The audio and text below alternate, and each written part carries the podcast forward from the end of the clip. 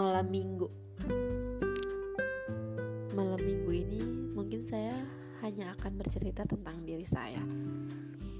Minggu kemarin saya ingat saya membahas perihal bagaimana seharusnya kita menerima segala emosi yang ada.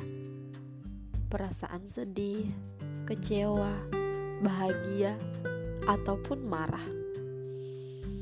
Malam ini saya justru menerima mereka semua. Menerima kehadiran emosi-emosi itu. Saya marah semarah-marahnya hingga mendatangkan sedih. Sebenarnya, saya bukan tipikal orang yang pandai menampakkan amarah. Terkadang, saya lebih memilih memendam amarah saya, atau saya luapkan di tempat tersembunyi, di tempat yang hanya ada saya sendiri. Setelah amarah saya terluapkan, pasti saya akan bersedih pasti saya akan menangis. Makanya malam ini pun saya sesedih itu. Saya sedih sesedih-sedihnya.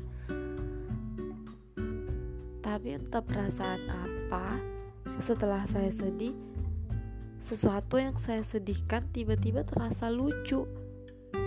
Pernah tidak sih kalian menangis dan tertawa dalam satu waktu? Saya tertawa sekeras-kerasnya.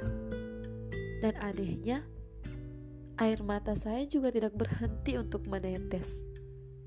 Deras, sederas-derasnya. Saya tiba-tiba jadi teringat dengan dua bait terakhir tulisan saya yang kemarin sempat saya bacakan. Dua bait terakhir dari tulisan saya yang berjudul memetik patah hati terberat Apakah perempuan ditakdirkan untuk terluka? Atau ia memang sengaja diberikan pisau untuk menikam dirinya sendiri agar terluka?